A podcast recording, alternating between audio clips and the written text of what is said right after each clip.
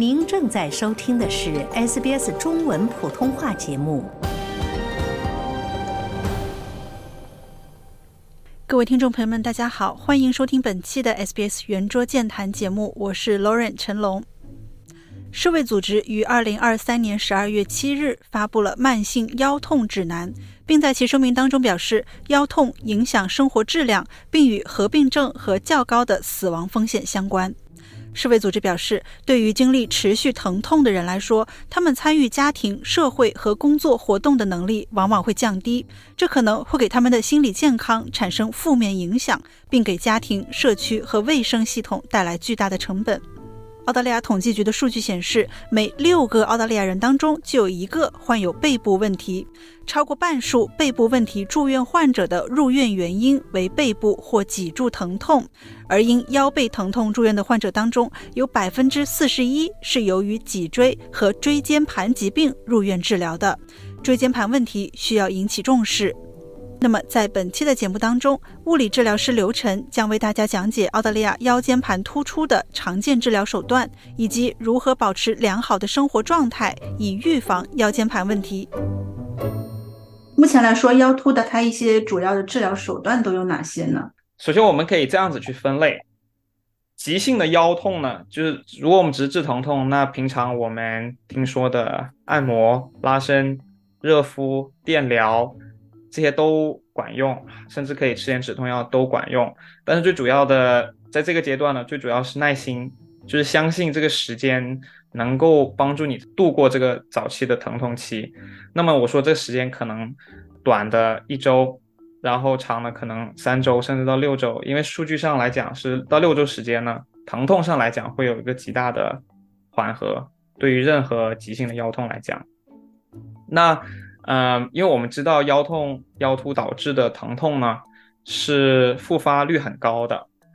所以说一次性把疼痛给治好了，那怎么预防之后的再发生呢？这个才是真正的在物理治疗上我们更加想要让大家去关心的。我们其实最主要看的是如何去预防它再发生。那预防它再发生呢，就要去看，比如说这一个人的生活习惯了，那这个生活习惯就囊括很多。包括比如说他的运动习惯，好的运动习惯，他的工作习惯，久坐习惯，他的睡眠质量、睡眠时间，他的压力程度，工作压力程度，还有这个人的体重。然后呢，运动习惯呢，就是我们真的不是说每个人都要去健身，每个人都要去举铁，每个人都要去游泳，真的其实就是你做一个自己喜欢做的运动，然后定期的去做，长时间去做，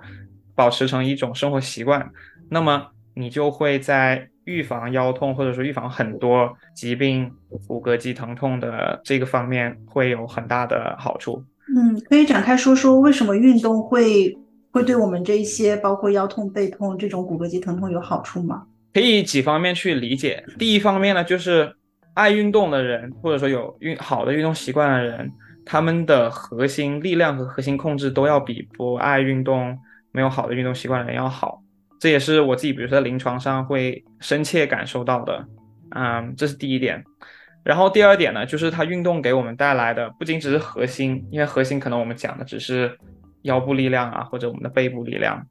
那对于一个爱运动的人来说呢，他的整个身体的承受能力就要比不爱运动要好很多。这里我们说的承受能力啊，就包括神经上的对于这个外界刺激的承受能力，也包括比如说我们骨骼。我们关节、我们椎间盘，还有我们身体各个韧带的这个承受力，这个承受力是需要练习、运动量去累积的。呃，还有一个可以去理解的呢，就是只有通过动起来，我们的腰椎才会真正得到一个活动。比如说，如果我们只坐在那儿的话，或者说只站着、只躺着，我们的腰椎就完全被锁死了。因为我们可以这么理解，就是我们人体。的设计是让我们去动的，我们越不动，我们身体各个部位的关节肌肉就会越被老化，于是我们这个承受能力就会越来越低。嗯，那像您说的一些，包括搬重物以及搬重物的时候身体的一些扭曲，其实可能一两下或许还可以，但如果长期这样一直做这这个动作的话，就也是会对我们的脊椎和腰椎有很大的损伤。对，没错。所以说，就是以搬重物为工作的一些体力活的话，确实他们是会比较容易伤腰的。嗯嗯，但是如果说只是普通人来说的话，我现在能想到，就是因为其实在临床上，很多病人来到我们诊所或者说找到医生呢，他们总是会说，哦，这一次腰痛好像之前好像也没做什么，就自然而然就发生了。但是呢，其实其实如果就是再去询问他们，比如说过去的六个月，或者说过去一年，他们有做什么事情，他们总是会想到说，哦，好像有一次，比如说去机场的时候提行李的时候，好像不小心拉了一下腰，但那次拉了腰了之后呢，好像三天之后就好了，所以说也没注意。但是这一个拉这个腰的这一个事件，可能就在你的腰椎的附近造成了一定的小的创伤。然后在啊、你第一次发生这个事件到你现在开始疼痛的这六个月呢，假设啊，这六个月的时间，你有没有好好注意保持自己的腰？没有好好呃维持自己的运动习惯，还是继续久坐？嗯、于是呢，这个时间又一堆积，造成了更多的微创伤。于是就在六个月的时候，呃，腰痛爆发了。所以说它并不是呃因果关系从结构损伤上和疼痛上，它并不是一比一的，它并不是完全对等的。然后这也是被越来越多的研究给证实了的。其实从二零零四年的时候就已经有研究第一次提出影像学结果和临床症状的不吻合。到二零一四年的时候呢，一篇研究就发现说，当看六十岁的老人这个人群，有百分之九十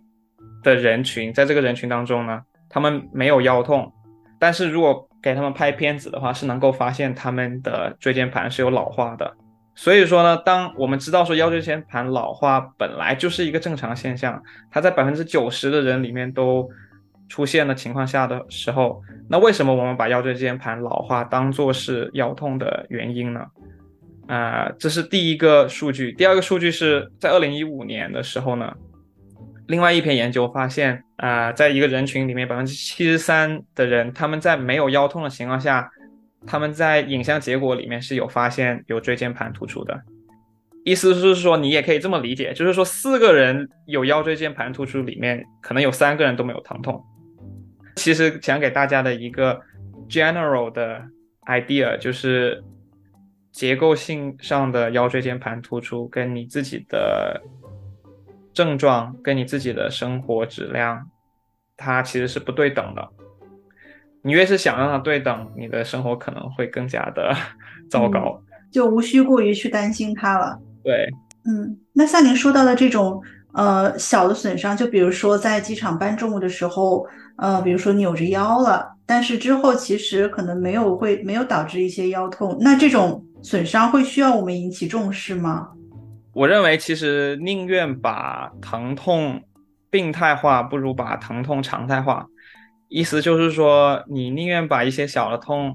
当做一个正常的现象，而不是一有点痛就觉得自己有有问题、有疾病。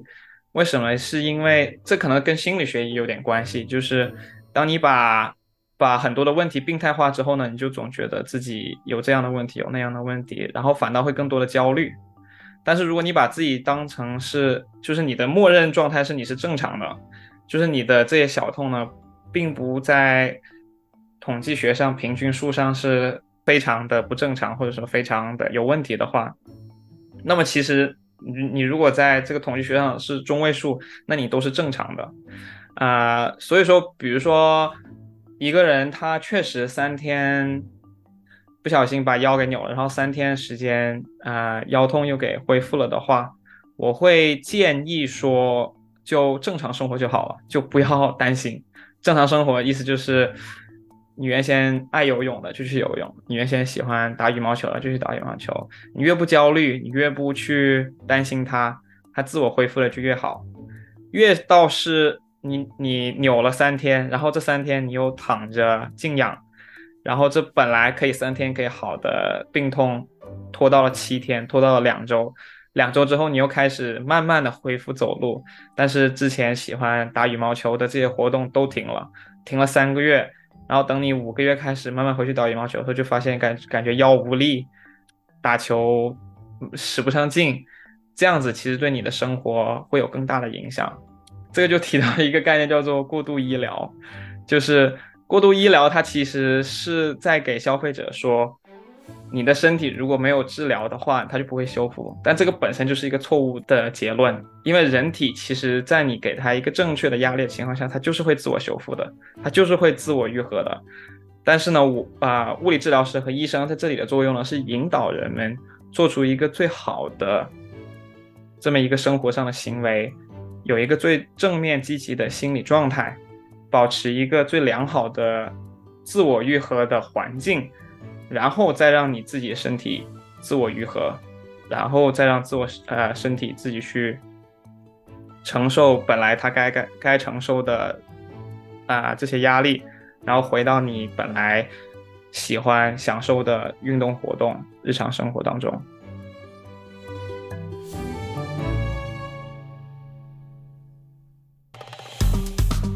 喜欢、分享、评论。欢迎您在 Facebook 上关注 SBS 普通话页面。